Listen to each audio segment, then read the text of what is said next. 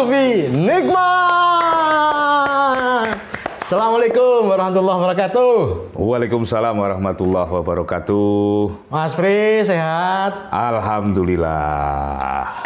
Sedang sibuk apa? Kok kelihatannya banyak pikiran? Ya, ciri-ciri orang yang selalu berpikir tentang kepentingan umat itu begitu. Wow, memang ada apa dengan umat hari-hari ini? Kok dipikirkan seorang Pri GS itu loh? Umat itu kan tidak perlu ada apa-apapun akan menjadi apa-apa bagi para pemikir umat itu. Tapi umat itu mau nggak dipikirkan sama sampean? Nah, itu bukan urusan umat, itu urusan pemikir. Sampai ruang kepada diri sendiri ini sedikit saja atau bahkan cenderung tidak ada.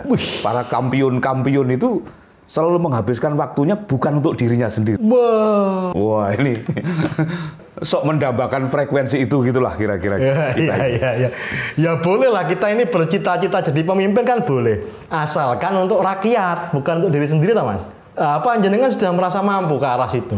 Bukan soal mampu dan tidak mampu ya Gus ya, tetapi di luar mampu dan tidak mampu itu soal nawaitu itu penting. Hmm, nawaitunya lillahi ta'ala loh ya. Karena ada dua li. Yang pertama lillah, yang kedua liane. lainnya. Itu lainnya ini bahaya ini. Ya doakan karena sama-sama li itu kan jadi rawan memang. Iya, iya, iya, iya. Jadi godaan orang-orang baik itu kan jauh lebih rumit ketimbang godaan orang-orang di luar orang yang baik. Oh iyalah. Setan itu kan juga sesuai kelasnya. Kalau kita ini sudah tidak concern kepada kebaikan, itu kan setan nggak perlu menggoda lagi. Tapi penggoda ini ada dua loh mas. Ya. Setan dan nafsu kita. Belum tentu Ya. setan yang membisiki. Siapa tahu justru kita sendiri yang membawa diri kita berbelok dari tujuan semula. Jangan apa nggak khawatir tuh terhadap nafsu kita sendiri itu loh mas. Sebetulnya khawatir itu alat kita ya. Jadi saya khawatir itu 24 jam. 24 jam. Karena dengan cara khawatir itulah saya menghuni diri saya sendiri dengan lebih rasa diri sendiri. Kan Gimana, gimana itu, gimana? ada jenis penghunian yang kita ini sebetulnya dihuni pihak lain, dihuni oleh rasa yang lain, dihuni kepentingan-kepentingan yang lain. Nah, kecemasan itu membawa diri saya sebaik diri saya itu sendiri. Wih, bulat ya. Sampean pasti nggak paham omongannya sampean Dewi itu. Ya karena sebaik-baik kita itu kan kalau diri kita sendiri. Gimana tadi kok bulat diri, diri, diri, diri itu maksudnya gimana? Ya karena di dalam diri sendiri itu memang menjadi epicentrum kembuletan toh. Jadi seluruh kembuletan ini memang sumbernya diri sendiri itu. Jadi kita tidak bisa serta-merta menyalahkan setan ya. Jangan-jangan setan itu belum godo, belum bisi kita sendiri yang sudah berbelok dari kebenaran. Benar, karenanya rasa cemas yang sampean endorse tadi itu penting. Maka orang-orang di dalam level tertentu itu ada yang tirakat terbaiknya sabar, ada. Oke, itu jelas kita nggak kuat. Oke, lanjut. Agak kuat. Ada yang tirakat terbaiknya adalah ilmu. Oh ya, oke.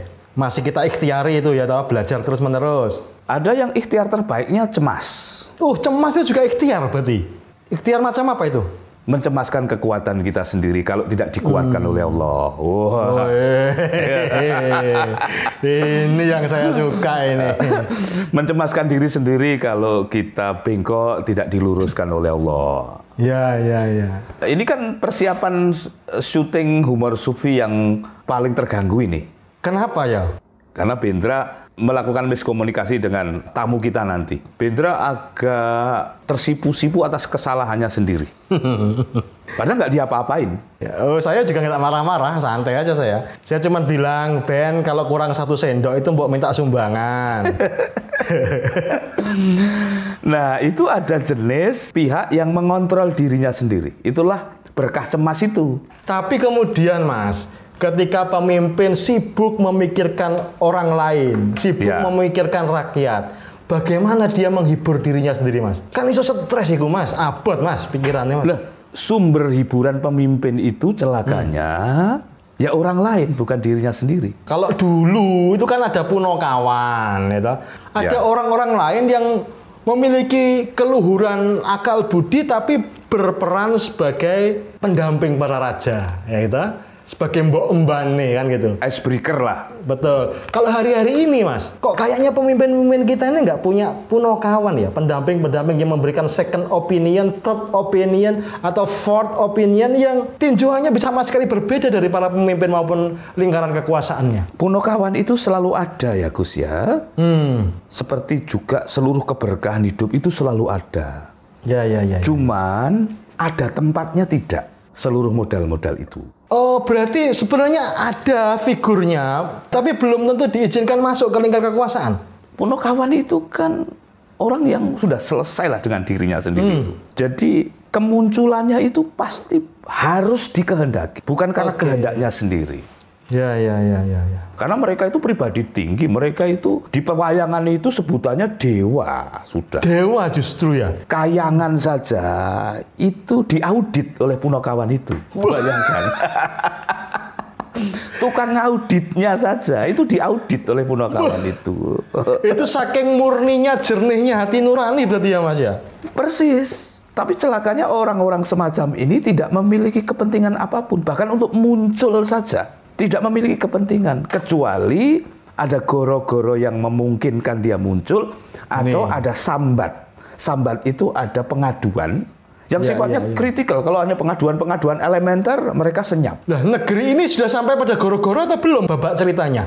Ah, itu tinggal kesadaran kita. Karena ada kesadaran yang pada tingkat-tingkat chaos tertentu saja sudah menafsirkannya sebagai goro-goro. Di sebuah negara itu katakanlah, kok ada orang miskin satu saja, itu bagi pemimpin tertentu sudah goro-goro itu. Sudah goro-goro. Goro-goro. Tapi ada yang level goro-goro kalau kemiskinan itu harus satu provinsi, itu baru disebut goro-goro. Itu tinggal kepekaan masing-masing pemimpin itu.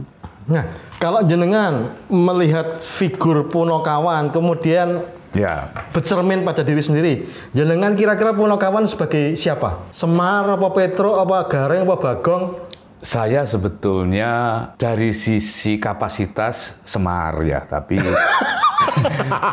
dari sisi finansial saya kepengen Petro. Eh, kenapa? Kenapa? Petro itu kecerdasan finansialnya baik sekali. Oh iya toh. Nah, Semar udah nggak butuh kan?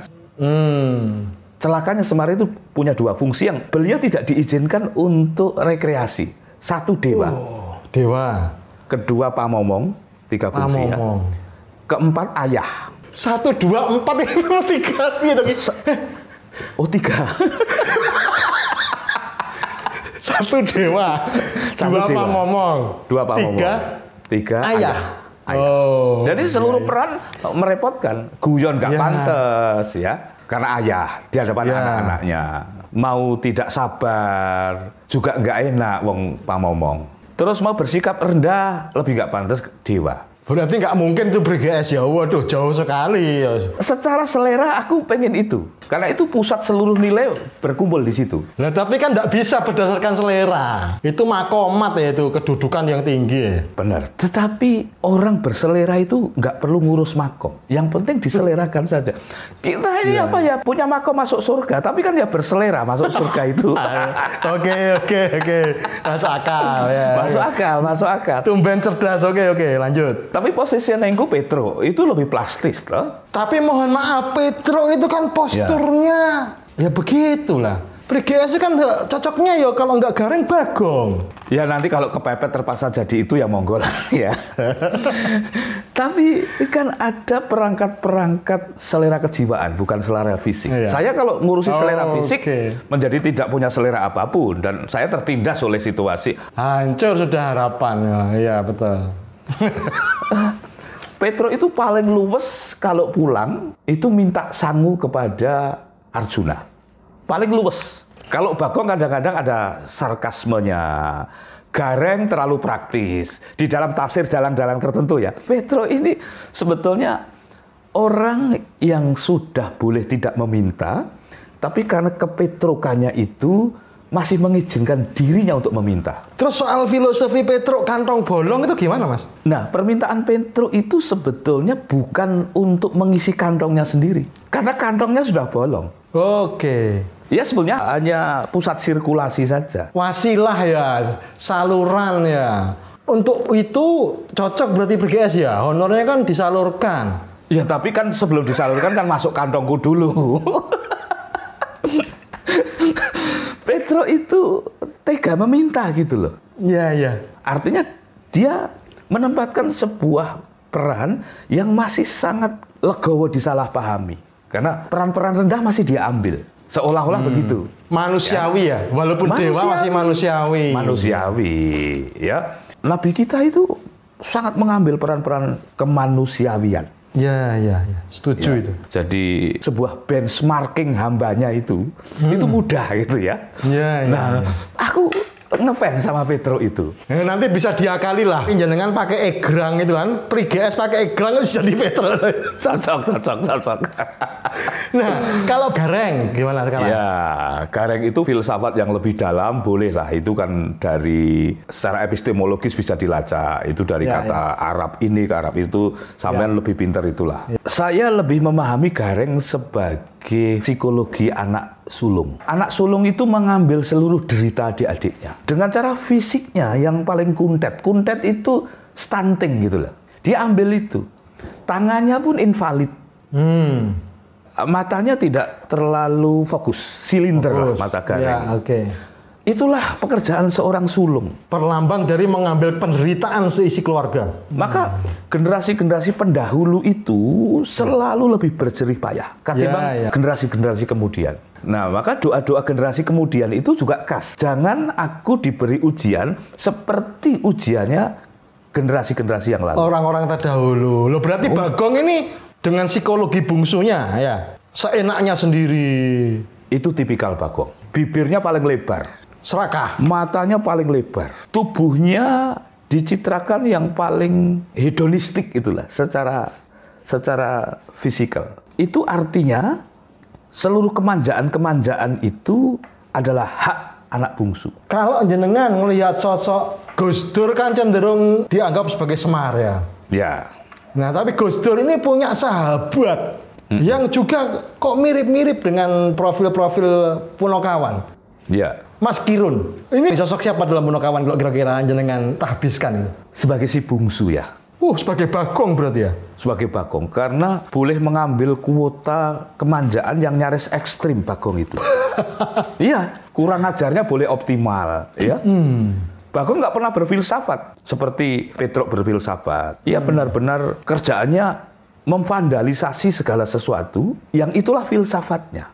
Ya ini tamu kita ini Mas Kirun yang bermasalah dengan Bendra tadi itu Mas Kirun. Tapi Mas Kirun kan profilnya Bagong, Bagong itu dewa jadi ya walaupun vandalistis tapi pemaaf jadi mau hadir. Iya, Ya kan? iya, iya, iya. Kita undang beliau Mas Kirun.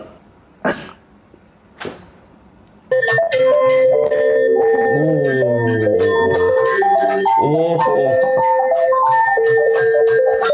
Assalamualaikum. Waalaikumsalam warahmatullahi wabarakatuh. Gede gelasnya. Gede, bagong kok. Pripun gimana kabarnya Mas Kirun? seger paras, kuat, selamat, Wah. laksawan balin dalan.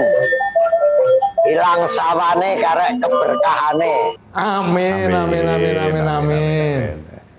Niku irama kayangannya dialonke. Irama kayangan mandek. Oke.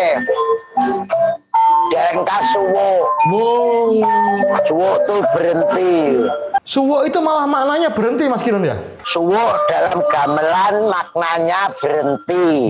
Tapi dalam metafisika spiritual, suwo itu obat. Ne tak suwo ben mari Mungkin maksudnya diberhentikan sakitnya masih ada kaitan dengan berhenti ya? berhenti. Oh. Antara suwo dan sumo beda. Nek suwo berhenti, nek sumo ya berhenti. Mas Bri mau saya suwo? Iya. Mau saya suwo sebagai co-host? Suwoane Gus Andra itu mandi.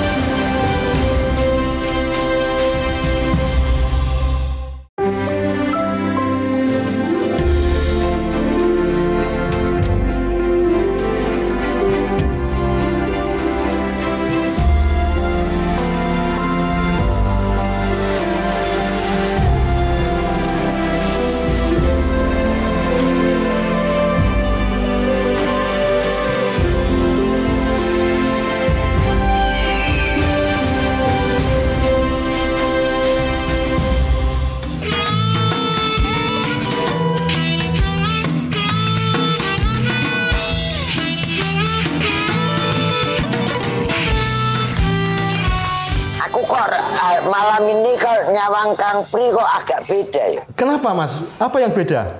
Backgroundnya belakang itu kan banyak. Angsa. Iya, iya, iya. Angsa itu kan lambang kasih sayang. Jadi ke sana kemari itu kan berduaan terus sama sing betina. Muga-muga Kang Pri koyo angsa. Amin. Amin, Amin, amin, amin, amin. Suaranya itu dengan bentuknya beda. Wah! Wah! Nah ini dilepas satu jam bisa ngomong sendiri mas Pri. Oh, iya, iya, Ben, ditanggap lah. ya. Ngene ngene lho ngene lho. Ngene lho. Kena opo kok angsa suarane banter. Wah! Karena lehernya itu panjang. Ya, ya, ya. Tapi tapi ada yang lehernya pendek, suaranya banter. Siapa itu? Kodok. Kodok. Kodok itu kan kung, kung, padahal nggak punya leher. Namun suaranya banter. Nek banyak, suaranya banter gulune dawa. Karena banyak itu batuke nonong. Apa hubungannya? Setiap batuke nonong suaranya banter. Mas Kiron ini jadi pemerhati binatang sejak kapan? Kok paham suara angsa, suara kodok? Aku rak sesama binatang. Oh. Orang itu kalau sesama binatang bisa memperhatikan binatang. Lebih baik jadi binatang loh, konsisten loh. Loh, iya toh? Iya, banyak binatang yang konsisten loh. Di dalam dunia pelawak, binatang itu memberi modal bagi pelawak-pelawak. Contohnya? Contohnya, dia kalau banyol mesti memperumakan binatang. Dan binatang untuk bahan lawakan. itu Oh di iya. dalam dunia banyolan. Tapi ada binatang yang bukan untuk bahan lawakan. Yaitu? Untuk watak ada tuh. Watak sekarang kan banyak juga yang menyerupai. Eh. Contohnya ya mas, contohnya mas. Binatang sebagai watak yang kayak apa? Binatang sebagai bahan banyolan kayak apa? binatang berbagai banyolan misalnya orang itu jangan kalah dengan kodok kodok Hmm. itu berwira swasta coba kalau Wira banjir kalau pas ada air mengenang kodok itu jualan rokok wira swasta suaranya mesti rokok rokok rokok rokok rokok rokok rokok rokok rokok. Rokok rokok rokok. Eh ya kan Ya, ya, ya, ya. rokok rokok rokok rokok rokok. Binatang Iya. bisa jadi tukang parkir. Piye? asu lah ngonae asu. Ya, ya, asu ya, ya. iso dadi tukang parkir. Enek motor mau mundur mau ke belakang mesti hup hup hup hup hup hup stop tuh. Binatang jadi watak kita lihat aja di sekitar kita mana ya. yang monyet mana yang orang kan bingung apa dewi Ya. monyet itu bisa nahan buntutnya Nah. ekornya. Tapi manusia kadang-kadang buntutnya nggak ditahan. Ke mana-mana nggak karu-karuan. Malah mencari buntut yang panjang. Iya, iya, iya. Saya sebentar. Bendra, Bendra, ada apa, Ben? Sinyalnya Pak Kirun eh, videonya putus-putus, Gus. Tapi Ya, kalau suaranya bagus. sih? Nah, di sini lancari gambar sinyalnya ini putus. Gini aja Ben, Kang Kirun nanti yang dimuat suaranya saja, gambarnya nggak usah. Ngundang bau reksa rekoso ya. Ini sedang nge-freeze semua, Dik. Oh. Soalnya Pak Kirun kan di desa. Ya iki suarane tok wis dadi radio ngono kae apik ya Mas Krian. Iya, wes. Ye, hilang. Marai aku nang desa loh. Wis sur apa-apa, Mas? Diomong luwung desa rezeki kutha kok. Wajah misteri, rezeki menteri loh. Wah, iya iya. Gambar Kang Kirun dikai neng pojok cilik ngono kan. Sing sing nonton ben budek gitu. Ta- tapi tapi iki kan wis masuk toh. Sudah aman. Binatang sebagai karakter. Itu ya ya apa itu? Gimana itu? Lho kok sampean tanya itu ya, ya ayo ndelok ae kita lihat aja. Karakternya hari ini ada yang jadi monyet, ada yang jadi celeng, ada yang jadi macan, harimau gitu. Itu malah kalah dengan har-har yang lain. Kalau harimau itu konsisten, mangan daging mentah mau. Hmm. Pokoknya kalau makan daging ya daging tok harimau. Tapi kalau hari-hari yang lain semen ya doyan, ya toh. Besi ya doyan, iya toh. Kayu Ya, ya ya. doyan, bantuan sembako ya doyan. Akhirnya lebih ganas hari-hari yang lain daripada harimau. Oh, kalau jenengan sekarang ngelihat profilnya Mas Pri GS, ini cocoknya binatang apa ini? Angel eh. Loh, lek sing gampang-gampang ya orang undang sampean. Padahal nek sing banyolan anu kae wis komplit iki. Jadi ini nek duwe brengos, gak duwe jenggot, kuwi kucing. Oke. Gak duwe brengos tapi duwe jenggot kuwi jere mbek. Ya. Nek gak duwe brengos, gak duwe jenggot, kaya aku iki jere ketek. Ketek iki ra ora brengosen ra jenggoten. Lah nek sampean iki wis komplit kabeh, terus dadi apa kene? Ngono. Oh, ya ya apa itu malah mau sisihkan jangan jadi binatangnya. Wah, Jadi telek. ngono. Jadi telek itu telek binatang kena nggo rabuk eh. Mas Pri enggak apa-apa jadi kotoran binatang. Gini, jadi apa saja kalau yang mengatakan Kang Kirun kui, satu kita pahami, kedua kita hormati, ketiga kita maafkan.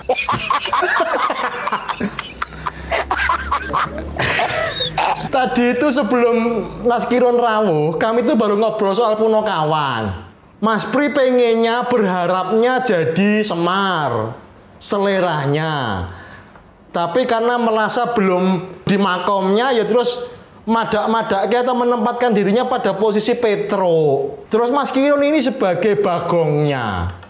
Lah masa saya gareng? Menurut Mas Kiron cocok nggak ini Mas Pri kalau Petro ini? Mas Priyo dadi Petro iki dalange sing mumet no. dalange sing mumet. Mas Pri nek saya bukan Petro. Tapi? Maaf loh. Togok itu juga dewa loh. Ada tiga toh. Satu Manik Moyo, Ismoyo, terus Tejo Mantri itu. Tejo Mantri itu Togok. Yang satunya jadi dewa, jadi Betoro Guru Ya, di tayangan. ya, Ya, Yang tatihnya Betoro Narodo itu. ya. Terus yang kedua Semar, yang ketiga Togok. Semar itu ditakdirkan jadi ponokawannya orang baik-baik. Kalau Togok Ya. jadi ponokawannya orang yang jelek-jelek. Rasaksa, Rahwono, Dosomuko, itu Togok. Lah Kang Pri matuke ning kono.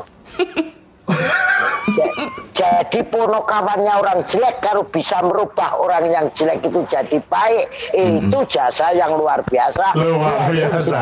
sendiri nah gitu Oh. kalau Oh, ini semua berarti- itu nggak ada tantangan Oh iya iya iya iya. iya.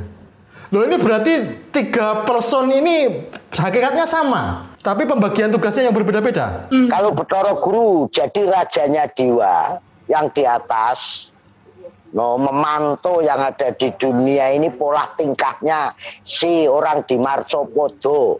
Orang-orang ini gimana lah kalau Semar tuh ngomong orang baik.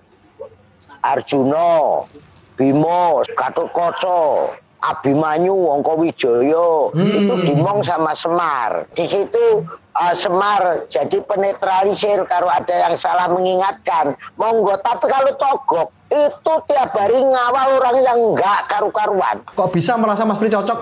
Cocok di situ karena mengingatkan orang nggak pernah didengar. Iya iya. Eh, nggak ada yang dengar nggak ada yang dengar Kang Pri. Eh, dianggap togok aja. Ah kamu itu orang bawah ya bawah aja. Nggak usah ngurusin yang di atas atas. Ngapain lu? Ini sindiran Mas Pri berarti. posisi kita hari ini kan jadi togok dan belum. Jadi Iya iya. ah, lingu. Sebetulnya tahu. Tapi karena nggak punya apa-apa ya akhirnya hanya jadi penonton lah rasaksanya angkoro murko semakin menjadi-jadi Hmm. gitu Ya, ya. Dhuwur ini. Wow, Edian.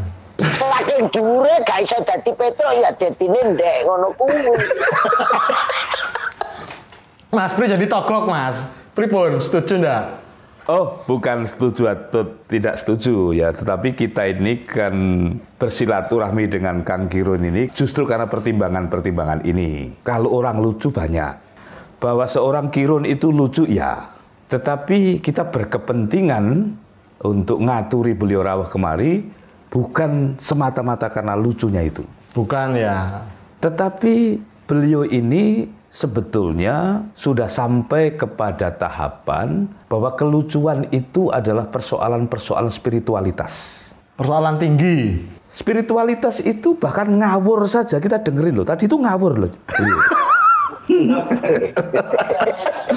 Dan ini di kepalanya tadi nggak ada waktu kan beracara ini. Oh, udah lupa ngomong apa? Lupa. Juga, juga terkaget-kaget tentang idiomatik togok tadi itu. Ya, ya, ya, ya. Walaupun secara gengsi sosial tersinggung aku bisa makan dengan togok itu. Tetapi dalam sudut pandang spiritualitas itu benar banget Kang Kirun itu. Itu pujian itu. Sangat. Saya justru berkepentingan begini Gus. Sebagai sebuah pembelajaran, Kang Kirun ini penting dilacak jejak-jejak rohaninya. Ya, ya, ya. Saya mulai mengagumi beliau itu bukan karena kualitas komedinya. Tapi karena Sedikit yang saya lihat, Kirun adalah komedian yang sangat punya, saya tidak tahu apakah itu obsesi alamiah atau memang panggilan kejiwaan, yang terus bergerak ke energi-energi tinggi. Sangat dekat dengan kiai. hmm, Apalagi Kirun usia-usia sekarang ini, ya, di mana pengajian Kirun ada di situ. Kadang-kadang untuk peran-peran yang anonim, sebagai orang top semestinya punya sebuah daya tawar tertentu agar kedatangannya itu terselebrasi gitu ya.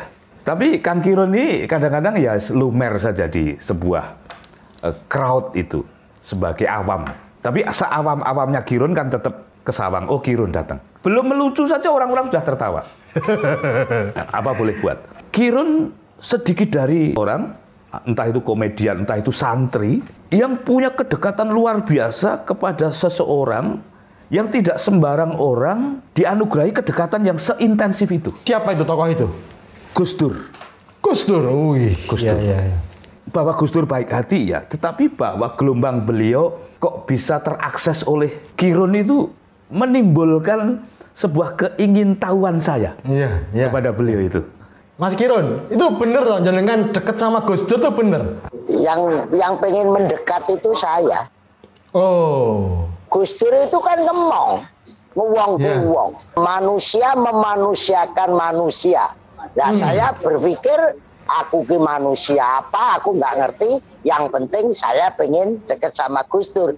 Eh, alhamdulillah Gus Dur wes selalu sama Kirun sampai apa pun lah. Berarti saya dimanusiakan oleh Gus Dur. Nah, saya sama Gus Dur sok guyu, sok lucu. Itu yang paling berat manusia itu guyu apa dhewe. Lah saya pengen. Iya, saya iya, itu iya. pengen guyu awakku ki lho apa? Arep guyu dhewe gitu. Manusia itu yang angel kan guyu awake dhewe itu. Awake dhewe ki apa gitu. Gus Dur itu wis bagi Kirun ya wis ya Bathara Guru, ya Semar, ya Togok. Uh, tiga-tiganya diambil semua. Ketiganya ada semua. Iya, iya. Kalau seorang Bathara Guru, gurunya si guru itu mendidik masyarakat ini jadi orang hebat, itu lumrah karena guru. Ya, kalau ya. togok, orang jelek pun cinta dengan togok.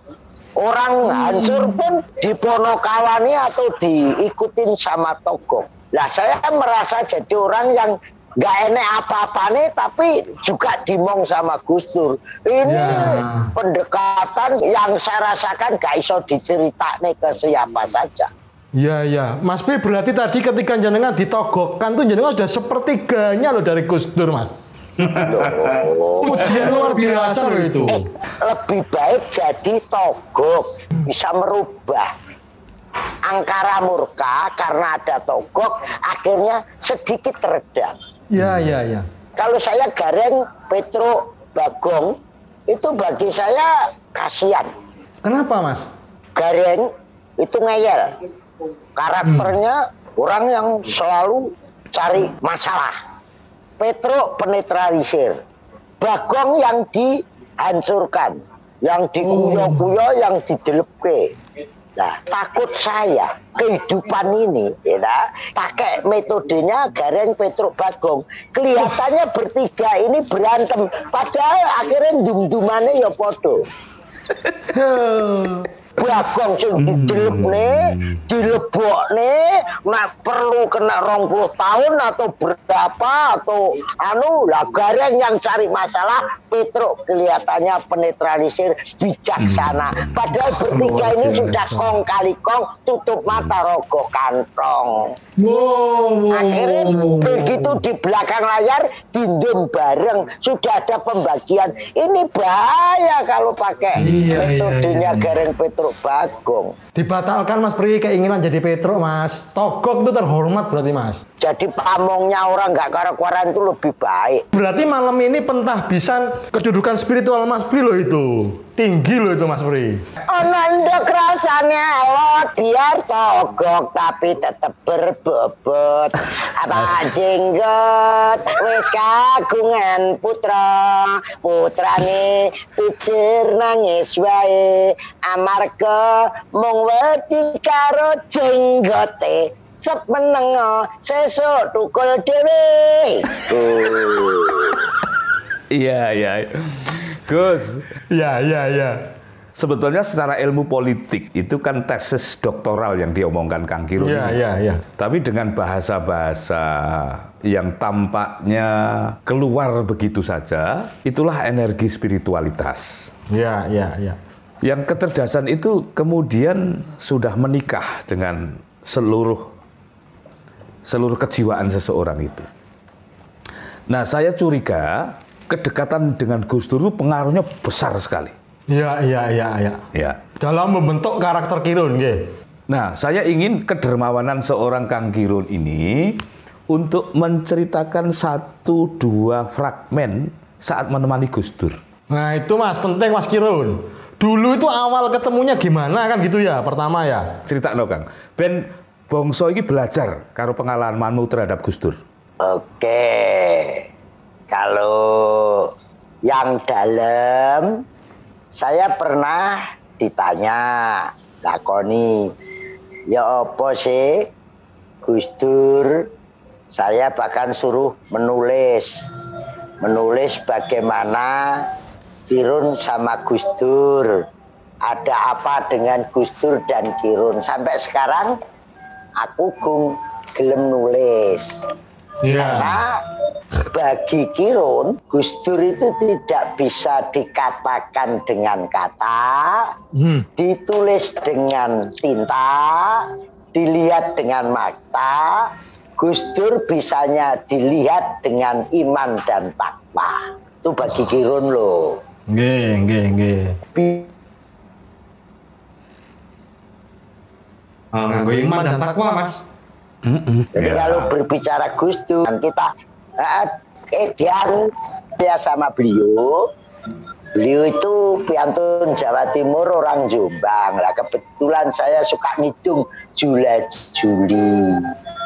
Dengan suara khas saya, setiap ada Gus Dur di mana saja, rasanya Kirun ini keingin tahu sebelum Gus Dur presiden sampai presiden sampai lancar presiden Kirun tuh pengen. Jadi Gus Dur ki sopo akhirnya saya ada kesempatan bisa mendekat bisa ngobrol. Nggak taunya Gus Dur pun sebelum ketemu Kirun sudah mengenal nama Kirun. Sampean tuh yang namanya Kirun itu. Iya terus terjadi ngobrol. Malor ngidul suatu saat wong Kirun itu opo sih? Tahu-tahu Gus Dur malam-malam datang ke tempat rumah Kirun. Bahkan sering satu bulan sekali. Satu bulan sekali pakai sarung ngobrol sama saya itu bar sholat subuh ngobrol lagi. Datangnya biasanya jam satu malam, jam 2 malam. Dan beliau pengen pokoknya setiap saya longgar, nggak terima job, nggak tanggapan. Harus mengikuti ke mana saja.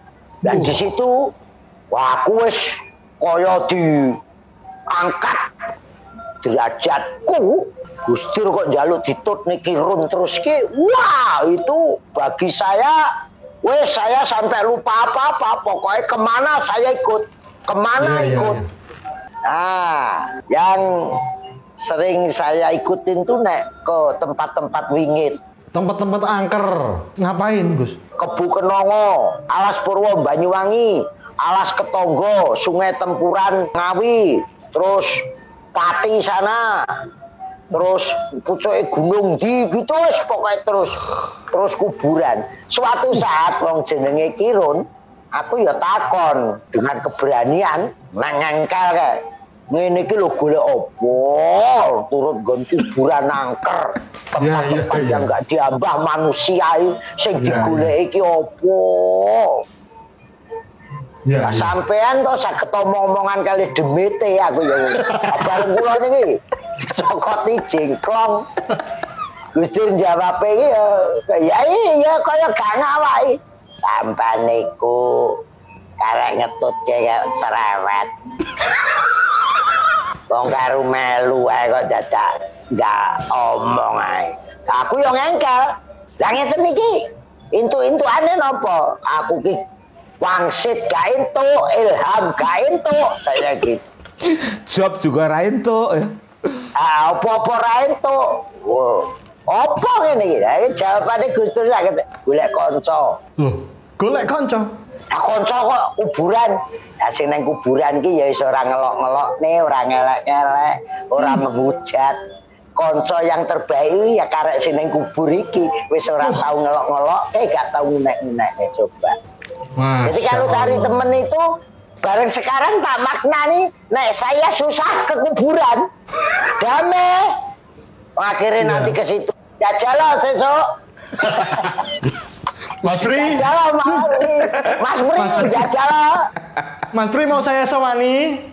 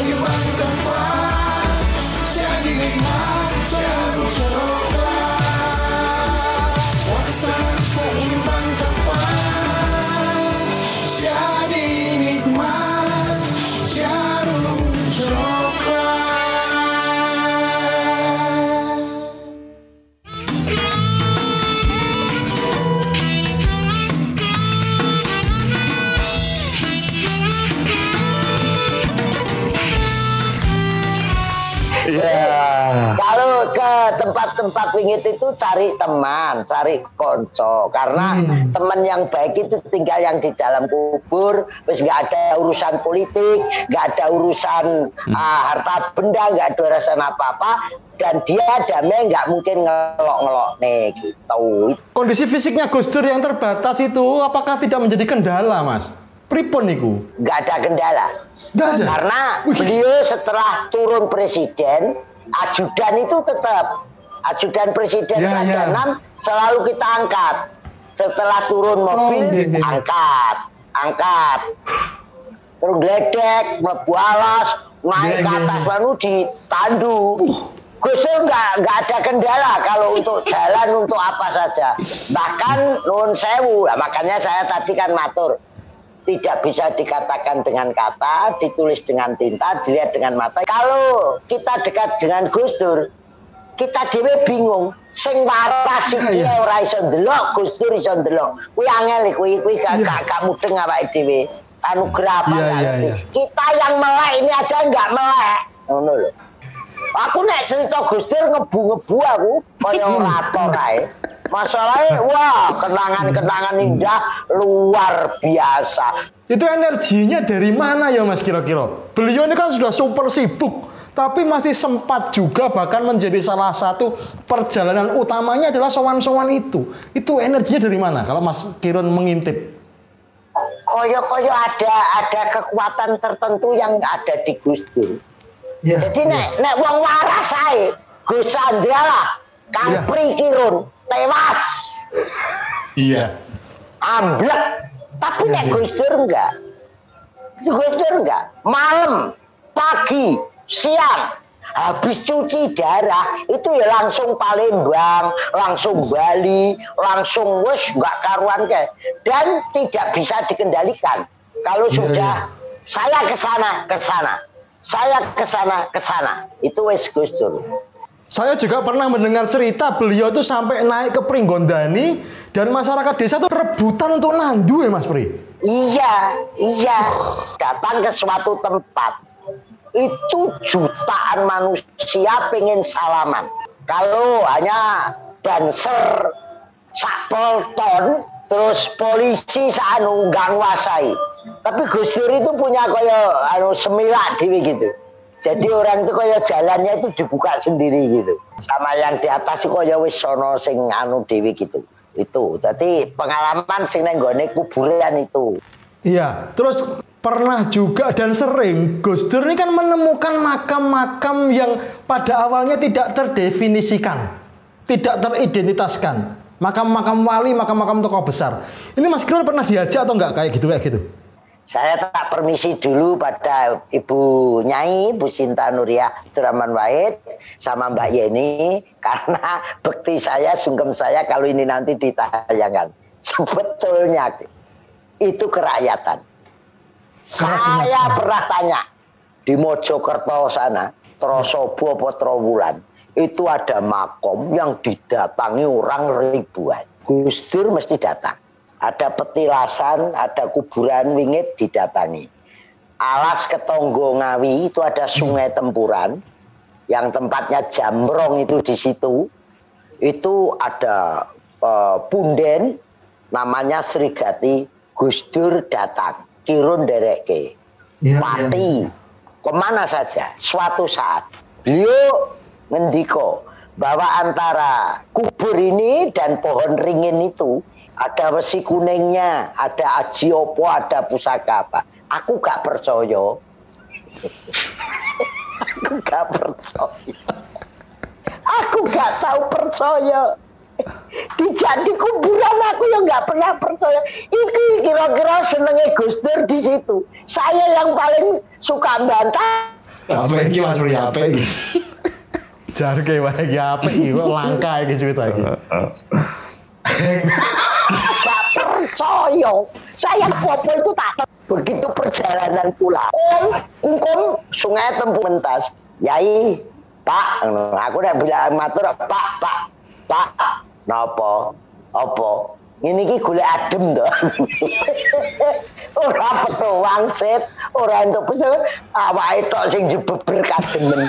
Mar golek adem mek rene, mbok kungkum nang blumbang aku ya gitu. Ini saya dicerdaskan sama beliau. Suatu petilasan, suatu misalnya katakanlah kayak Borobudur, kayak petilasan Ketonggo, Punden Srigati, Kebu Kenongo, terus Pringgondani, terus sampai eh, Mojopahit. Gus Dur datang ke situ. Gus Dur pidato, ceramah, mengatakan bahwa ini keturunan ini, ini, ini, ini. Supaya orang semakin banyak ke situ. Ada petilasan, ada makom Gus Dur datang supaya banyak orang yang datang ke situ. Bahkan nek perlu jutaan. Kalau sudah banyak dimantapkan sama Gus Dur diceritani Gus Dur orang percaya. Di situ masyarakat kiwo tengene itu pada jualan. Jadi jujukan wisata religi, akhirnya perekonomian kerakyatan terangkat, ono wong bakul sajadah, oso wong bakul anu. Yang dipikirkan Gus Dur daripada ini mubadir hanya jadi sirik, lebih Iya. baik dimanfaatkan, dibesarkan sekalian. Setelah itu orang yang datang ke situ pasti bakar dupo Ya. bunga-bunga, ngasih bunga, bakar menyan.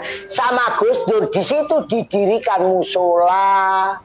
Yang waktu maghrib ya biar maghrib, yang subuhan biar subuhan, yang asar biar asar. Bekti neng Allah Ta'ala tetap terjaga, namun spiritualnya dia, laku dia, adat istiadat dia, tradisi dia tetap terawat. Oh, luar biasa. Berarti membenarkan tanpa menyalahkan.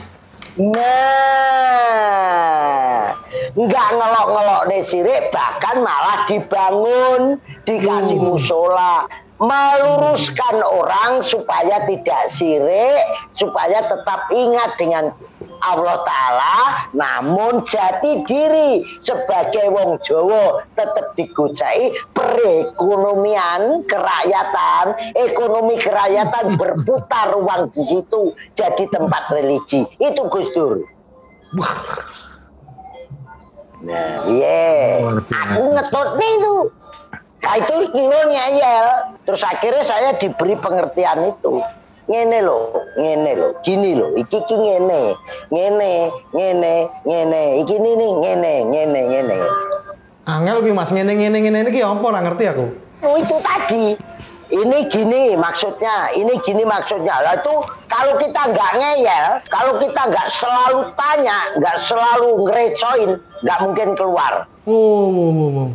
marah argumentasi aku yo nganggo ilmu dagelan ae saenakku lambeku ngono pokoke anggere gambleh ngono ae wis dipecat ya melu pokoknya saya ngeyel pokoknya dijadikan apa sama Gus Dur manut wis itu Gimana Mas Pri? Jenengan bisa ngambil pelajaran apa dari situ?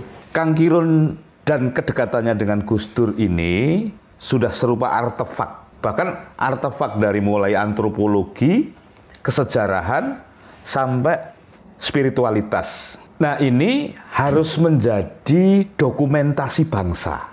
Ya, ya, Ya. Gus Dur itu didekati intelektualitas, Ya. didekati di ruang seminar, diskursus yang ditulis di buku hanya sebatas itu. Seorang Kirun sanggup melesak dengan caranya Masuk. sendiri Iya. di luar radius-radius yang dipikirkan orang. Ini rugi kalau Kang Kirun tidak mau menceritakan secara lebih utuh. Ya, karena ini tidak ada di dalam buku. Ini tidak ada dalam museum. Kok Ya. Kang Kirun maaf, wis dipundhut sing gawe urip dan cerita ini lenyap, kita akan kehilangan heritage, akan kehilangan Iya, iya, legacy. Iya, iya. Ya. iya. Nah, Cerita no Mas berarti Mas. cerita no Kang, sak lengkap lengkapnya Kang. Kita ngerungokke aja. Pas tamu jenengan ini kita nggak akan banyak ngomong. Mas Pri janji ra banyak ngomong loh ya. Biasanya nyelani terus ya Mas Pri iku. gini gini gini Kesandra Kesandra gini saya itu wis tidak Gusmus Dawi nopo? tulisan tulisan Iya. Lho aku ki patun. Saya itu dagelan desa, gak ngerti ngono-ngono kuwi. Lah karo Gusmus lah mengke digolekke penulis terus dicetak. Hmm. Antara Kirun dan Gus Dur gitu aja. Nek Kang Pri tadi ngendika bahwa Gus Dur itu ah, Kirun nyedak Gus Dur itu tanpa ada batas ruang, ya memang iya setelah beliau kabundut itu saya banyak merenung. Oh iki to karepe. Jadi Gus Dur Hmm. itu butuh temen, Hmm. butuh enek wong ngejak padu, ngejak argumen. Orang yang datang ke Gus Dur di PBNU pun, di dunia politik pun, di semua bawa masalah pengen diselesaikan Gus Dur. Ada yang masalah opo ke Gus Dur itu mesti cari solusi nah sementara kiro nek rono ora golek masalah ning malah ngejak guyon gitu loh Oh. Wes, jadi aku no problem nek ketemu Gus Dur. Politik minggat.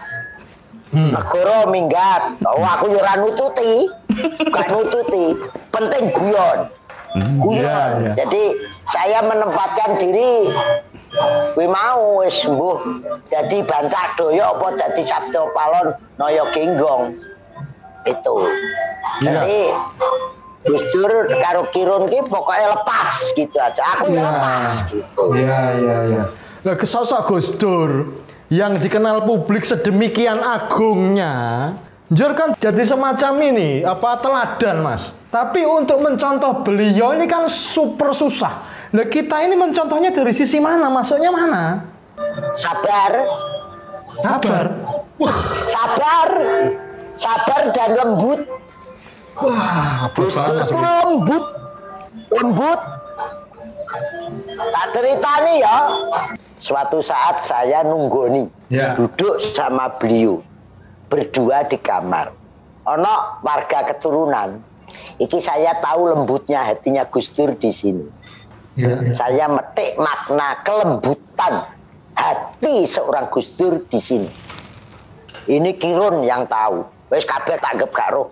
Tanggep aku dhewe sing ngerti. Iya. Apa yang diceritakan warga keturunan tadi? Pamer karpe golek alem, Hmm. golek muka nang ngarepe Gus Dur. Gus Dur, saya sekarang sudah Islam. Saya sudah sunat. Saya sudah sahadat. Saya Islam. Jawabannya Gus Dur, sing ngeken sinten? Sing ngokon sopo? Kemauan saya sendiri karena saya dapat hidayah. Saya Iya, iya. sekarang udah Islam. Iya, monggo. Ning aja mok cerita-cerita nih wong, ndak nglarani atine liyane. Iya. Oh. Kue arek Islam, arek Kristen, arek Buddha, Hindu monggo. Ning nek pindah agama, aja mok cerita-cerita nih liyane, ndak nglarani atine liyane. Lembut ta? Luar biasa, Lembut ta? Lembut. Jadi nek pindah agama ki aja sok dicerita-cerita. Lah kok saiki dadi tren. Loro sakit. Iya, iya, iya. Teh murah men. Iki nek Gus Dur guyu kekelen. Itu yang tahu Kirun. Itu. Aku ki kan pemijit tulung. Hmm. Ya beliau itu ngertinya kan saya sama Gus Dur mau ngaku itu kan pijetnya Gus Dur. Jadi nek- saya nggak usah disuruh eh pas duduk, pas apa, pas apa ya. Kopi ya apa. Ya, saya. Bu Sinta nyuwun pampun Pak es degan. Nah, nek sithike ya ora apa-apa es degan. Kacang ya, sithike tahun saya ini kacang. Duren sithik ae. Ngono. Jadi makanya Gus Dur menganggap saya arek iki kok ngerti karepku ngono lho. Suatu saat saya matur, "Yai, benan ki gak waleh to loro. Hmm. Penjenengan iki gak waleh loro aku.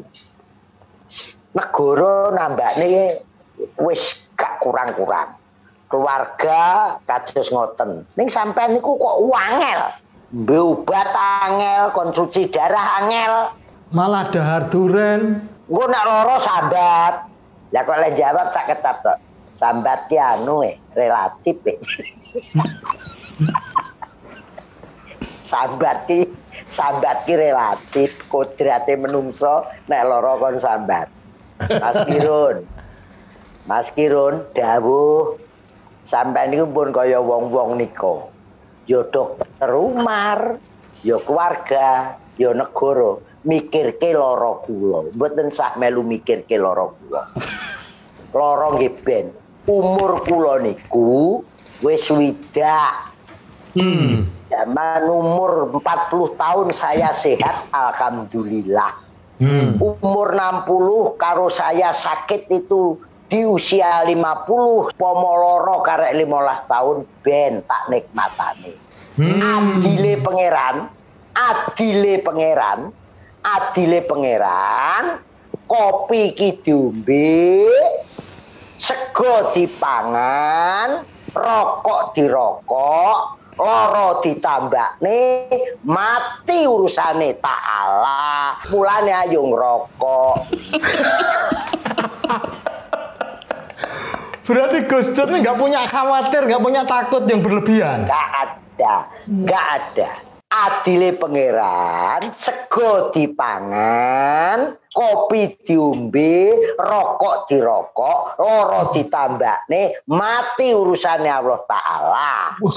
Gus Dur tuh yang bagaimana yang bisa dimasuki anak-anak muda sekarang ini? Nyontoh Gus Dur yang paling mudah itu kayak apa? Sing paling mudah kalau nyontoh Gus Dur ya udah cinta kasih. Tetap nilai-nilai luhur Mas Pri ya. Cinta, terima kasih, cinta kasih, nebarke rasa tresno. Makane Gus Dur nek ngendika ora Gusti ingkang Maha Kawasa. Tapi Pas serius lho, Gusti Iya. ingkang Maha Tresno. Jadi di atas kecintaan Tuhan itu pada kita. Jadi Gusti ingkang Maha Tresno.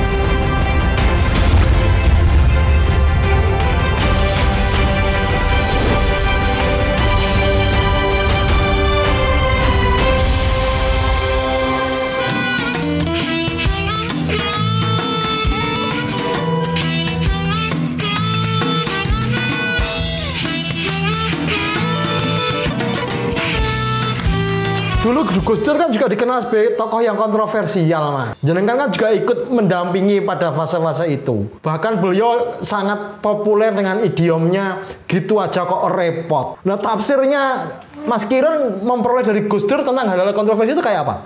Kalau saya mencerdaskan bangsa, Itu ya? kita dicerdaskan. Ya kita aja merasa enggak. Tahu enggak kalau kita disuruh cerdas sama Gus Dur. Wong ki nek tatarane wis cerdas, Ya. kalau sudah bisa memaknai hidupnya sendiri, akhirnya cinta kasih kepada siapa saja. Artinya tiada musuh di dunia ini. Semuanya cinta kasih. Enggak ono musuh. Abot iki. Wah, Berat, berat, berat. Wat apa apa. Karo bojoe tukaran royokan remote. Iya lah. Eh, generasi sekarang mencontoh Gus Dur itu ya itu tadi tresno dengan siapa saja, cinta kasih. Ah, sing angel kan kono. Di fase-fase akhirnya Gus Dur ini, ketika beliau sudah sakit cukup berat, kemudian tetap masih ngersake tindak ke- pergi ke mana-mana. Mas Kiron mendapatkan pelajaran-pelajaran terakhirnya apa aja, Mas? Beliau selalu ingat pada teman. Oh, iya, eling eling karo kancane. Dan ya itu tadi gak usah khawatir dengan sakit kita. Gak usah khawatir dengan kehidupan kita. Pun nak wayai mati mati dewe itu Gus Dur mantap. Tiada takut. Sedone kemis rebo ngebel aku. Saya iya? di Purbalingga tanggapan ludruk dari jadi Purbalingga. Beliau ngebel kongkonan Soleman aku ngebel. Ya apa pak. Terus saya sakit. Nggih, kula ten rumah sakit. Paling yo kecapean. Leren sik aku yo ngono. Sampai ndang mriki pijeti kula. Sesuke itu Sempat ketemu, Mas? gak aku stres ning Jombang. Ya, ya, ya, ya, ya. Jadi aku nompo jenazah ning Jombang. Iya, Tapi aku baru ketemu, habis kepanggih, habis guyon, habis guyon masuk rumah sakit, terus saya nggak sempat nengok Gus Dur kapundut. Tapi aku diwai kenang-kenangan. Napa niku? Malam-malam aku diusir dari kamarnya Diusir. di Ciganjur. Ya. Mas Kirun sampean medal ke kamar niki. Ping telu gak tak sauri. Aku nggak wangsulan. Sing terakhir saya tanya, kenapa saya mesti diusir? Lepat kulo nopo, dusta kulo nopo. Jawabannya saya kecap, meteng kulo senep. Soleman tak kon nyangkre, perawat tak kon nyingkre, tak adepi, tak rangkul. Akhirnya sing bersih saya semua. Wis sama beliau ngendika. Ngendika sak kecap tok. Matur nuwun nggih, Mas Kirun, matur nuwun nggih. Itu kenangan terakhir saya. Dan cerita-cerita gini karpe Gusmus kon nulis gitu. Dawuh Gusmus kon nulis. Ini di- boleh nggak nanti ditayangkan? Cerita ini bagus sekali loh mas. Boleh, boleh, boleh. Alhamdulillah. Boleh. Ajudannya Soleman masih hidup, perawatnya masih hidup. Yang tahu malam itu saya bersama Gus Dur di dalam kamar. Mas Pri, apalagi yang mau ditanyakan? Wes pokoknya bengi iki kita makan gaji buta wes. Iya. Honor buta. Mohon cerita Mas Kirun ini. Engkau lengkap pono Kang eh, literatur tentang Gus Dur sing jenengan diberi anugerah kemewahan yang orang lain tidak diberi. Tapi begini Gus, ini yang kita butuhkan di hari-hari ini adalah nilai ini. Ada nilai-nilai kewalian dan ada nilai-nilai kesalikan, kesantrian. Itu yang membuat negara ini tumbuh bermacam-macam nilai fundamental. Karena ilustrasi Kang Kirun tadi, ini peristiwa torekot kalau menurut saya. Iya iya iya. Ini pentasbihan. Kang Kirun melakukan itu. Dan negeri ini membutuhkan sebuah santun eh, kesantrian dan kewalian yang serupa. Ya, Mungkin ya. Untuk, untuk doa bangsa ini ya. Ini hubungan yang hanya ada di Indonesia saya kira. Iya iya iya. Kang Kirun, tolong diceritakan rasa jenengan saat itu saat jenengan resik-resik Rasanya anu bangga. Rasanya bangga wujud Pasti. bekti. Pasti. Bangga dan wujud bekti saya pada wong tua. Jadi Iya, iya. rasanya itu is, aku gak mikir apa-apa, wis gak mikir apa-apa, wis butuhnya aku terseno karo Gus Dur, cinta sama Gus Dur, harus dengan apa pun saya tetap harus dengan Gus Dur. Dalam keadaan apa pun, wes. Isinya neng kene ngono kuwi. Bombong manah ya. Bangga bener ya. bangga dan iso nyenengne Gus Dur iku bagi saya wis Gus Dur ngepuk-ngepuk pundakku matur nuwun matur nuwun itu aja saya anggap iku wis wis Boh, gak ngerti karpe pangeran ya apa, karpe Allah iya, Ta'ala. Gimana saya dikodratkan sebagai apa malam itu aku ya gak mudeng, gak mikir. Penting saya hanya mengabdi, mengabdi, mengabdi. Saya memosisikan jadi bagi kiai itu aja. Ono nek sing aku arep nyolong, Nyolong. aku maling, Maling apa? Mbak Yeni Wahid berijab, ijab kabul, Presiden kundur, Pak SBY pulang, sing maido kasana Gusmus, Gusmus masih sugeng, Gusmus manggil saya, aku sakmene diterus kirun, aku kan nuturi mantene Mbak Yeni, aku bingung, aku ngadep Gus Dur, Yai, kulo kali Gusmus kok kan maido kasana niku ilmu kulo napa? Ya nganggo cangkeme kirun kone sak. Yes, yes, masuk kamar. Sing jenenge amplop zaman semono kan amplop itu kok Jepang, kok Raja ndi itu akeh. Nah, aku mikir kita jumuk sitok sa amplop di US mesti. US. Saya matur Mbak Yeni, Mbak Yeni, niki amplope bapak teng koyok ngeten iki pripun? Mas, sampean matur dhewe kali bapak. Disimpen ten pundi? Mbak Yeni ngalih timbul niat jelekku. Colong sitok. Sopo sing ngeruh? Gus Dur aperso, Gus Dur ngletak, tak pijeti terus saya matur. Pak, niki amplop ping rojo niki keng niki niki niki niki pas mantul. Mlumpuk sak menten kathah niki dinggah ten pundi? Pun kajenge ten mriku mawon. Aku dicolong ya ora roh. Nggih. Kaya ngerti nek aku nyolong. Pun kajenge mriku mawon. Wong aku dicolong ya ora roh ae jere. Pupune tak tepok. Jane sing arep maling ki aku lho. Kok sampean pirsa lho. Sampeyan kok ngerti nek kula badhe nyolong. Yo, wong sampeyan nggih mboten ngingeti kula, kok ngerti nek duwe arep tak colong. Lah kok Gus Dur lek ngendika ngene, sing arep niki ya kuwi sing duwe niat arep nyolong. Ilmune itu. aku nakal. Nakalku nek karo Gus Dur wis gak mas. Aku syuting ludruk 25 episode. Duwe kurang. Angpone sing arep tak gaji arek-arekku kurang. Mergo budgetnya cilik zaman semono. Hmm. Nah, Saking bingungku telepon aku. Pak, ten pundi? Kula badhe ten Malaysia. Santen napa? Rawuh Medion ndelok ludruk teko kok, Mas. Gusti rawuh, rawuh ndelok ludruk, ndelok pagelar aku. Ning duweke kurang. Lah butuh pinten? Selangkung zaman semono aku langsung ditransfer selawe yuta. Sapa wani njaluk duwe Gus Dur rek Kak Kirun? Ayo. Langsung tahun 95. Wah, itu gede banget tahun segitu. Wah. Wis dikirim karo Gus Dur. Piye? Aku iso dipering, iso wani njaluk duit Gus Dur kan kurang ajar. Bareng Gus Dur wis gak ono ki tak eling-eling aku anjane kurang ajar. Loh, dengan itu loh kok malah deket ki piye?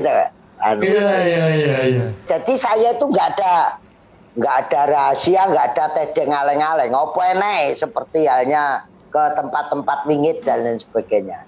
Monggo, Iya. nah arti tulis monggo. Saya tak ngoceh sampean tulis. Aku ra mudeng. Lah iki disiarke nang ngene humor sufi kan wis dadi bukti sejarah luar biasa. Pernah Mas sebelumnya menduga bisa sampai sedekat itu, Mas? Enggak, enggak pernah. Dan ketika ternyata ditakdirkan sedekat itu, Mas. Piye seorang Kiron itu piye? Dalam kehidupan pribadinya bagaimana? Yo, akhirnya setiap mau opo ngono kelingan. Apalagi nek bulan Desember waktu beliau mendekati no, opo meneh nek ketemu konco-konco dulur-dulur keturunan.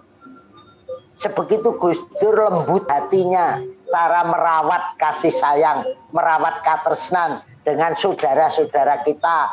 Lah saiki omahe Kirun yo ngono e Gus Chandra. Jadi nek lebaran, nek lebaran hikmahe, omahku kuwi ditekani.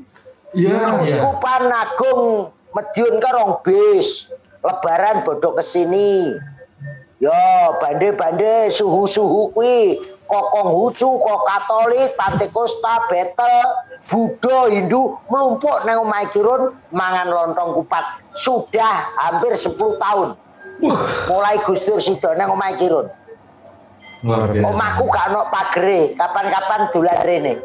Rumah saya pagere tak bongkar, nggak ada kunci. Omahku tak gawe ngono. Ketika orang kemudian mensosokkan Kiron ini kan sebagai sahabatnya Gus Dur, pasca kondurnya Gus Dur, mereka sowannya ke Mas Kiron itu perasaannya piye, Mas? Ya mesti kon cerita gini nih. Hmm, Kayak Kang Pri karo Gus Chandra gini.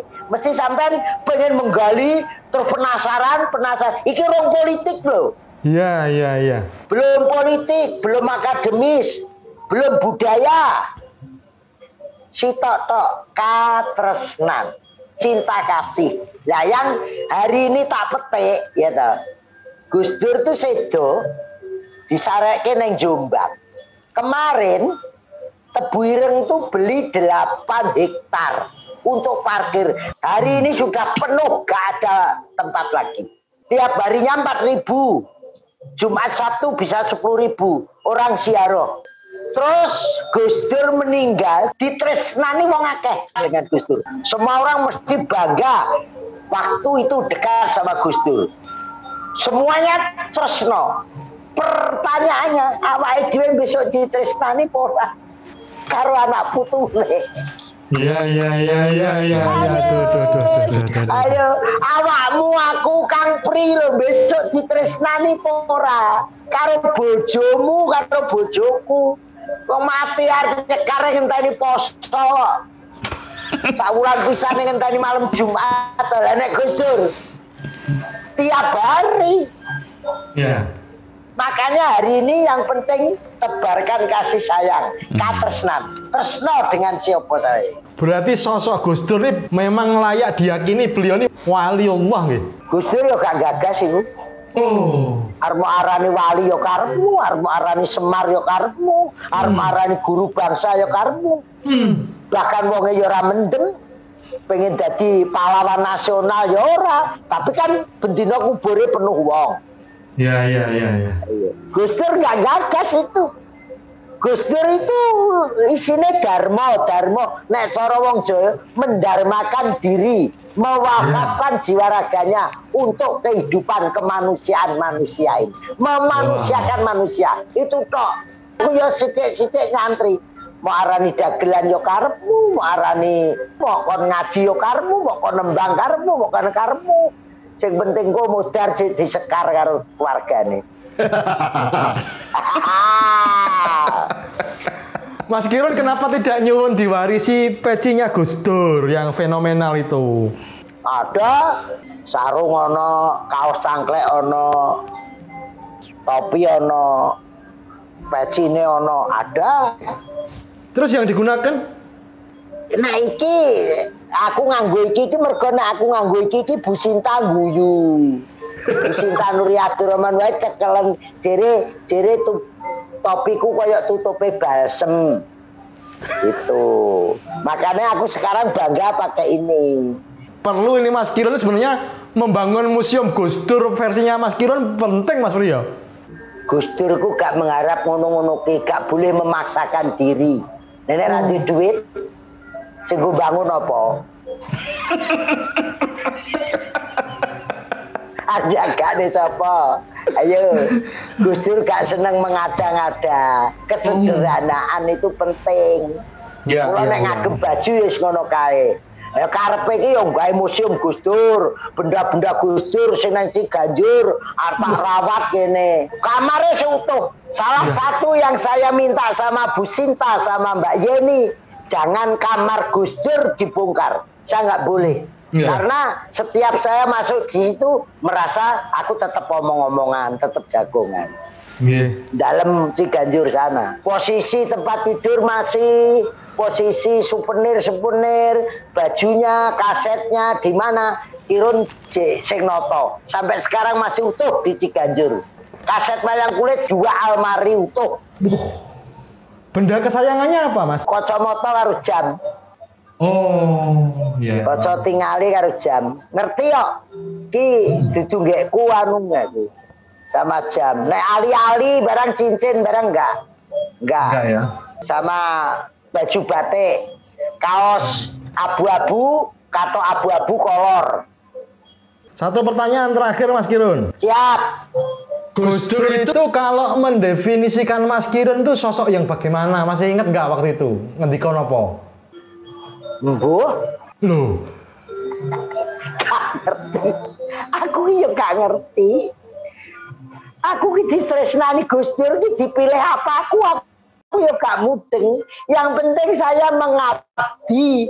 Yang penting saya tresno. Sekarang tresno ning Gusmus. Jadi tiap yang hari-hari ini nih. Ning mergo yo ada kesibukan nggak nggak tersampai. Tapi setelah Gus Dur nggak ada ini, Kirun ki kira-kira ngabdi neng sapa Gusmus saya. mesti cocok guyon mesti gitu. Gak ngerti aku didadek nopo sama Gus Dur, gak ngerti. Ya Kirun tetep Kirun gitu aja. Nggih. Wah, matur nuwun wah kita eh sudah kenyang sekali kita Mas ya malam ini Mas ya. Ya. Tanpa banyak bertanya, banyak sekali yang disampaikan oleh Mas Kirun sebagai pelajaran sangat penting bagi bangsa ini. Pokoknya iki urung iki urung budaya, urung politik, urung tembang-tembang Jawa, urung filsafat-filsafat. Cerita Gus Dur tidak bisa ditulis dengan tinta, diomongkan dengan kata, dilihat dengan mata, bisanya dilihat dengan iman dan takwa. Ah, wah, nggih. Luar biasa sekali Mas Kirun. Salam talim. Nggih, semoga kita bisa meneruskan cinta kasih Gus Dur kepada sesama. Amin. Amin. Wassalamualaikum warahmatullahi wabarakatuh. Waalaikumsalam warahmatullahi wabarakatuh.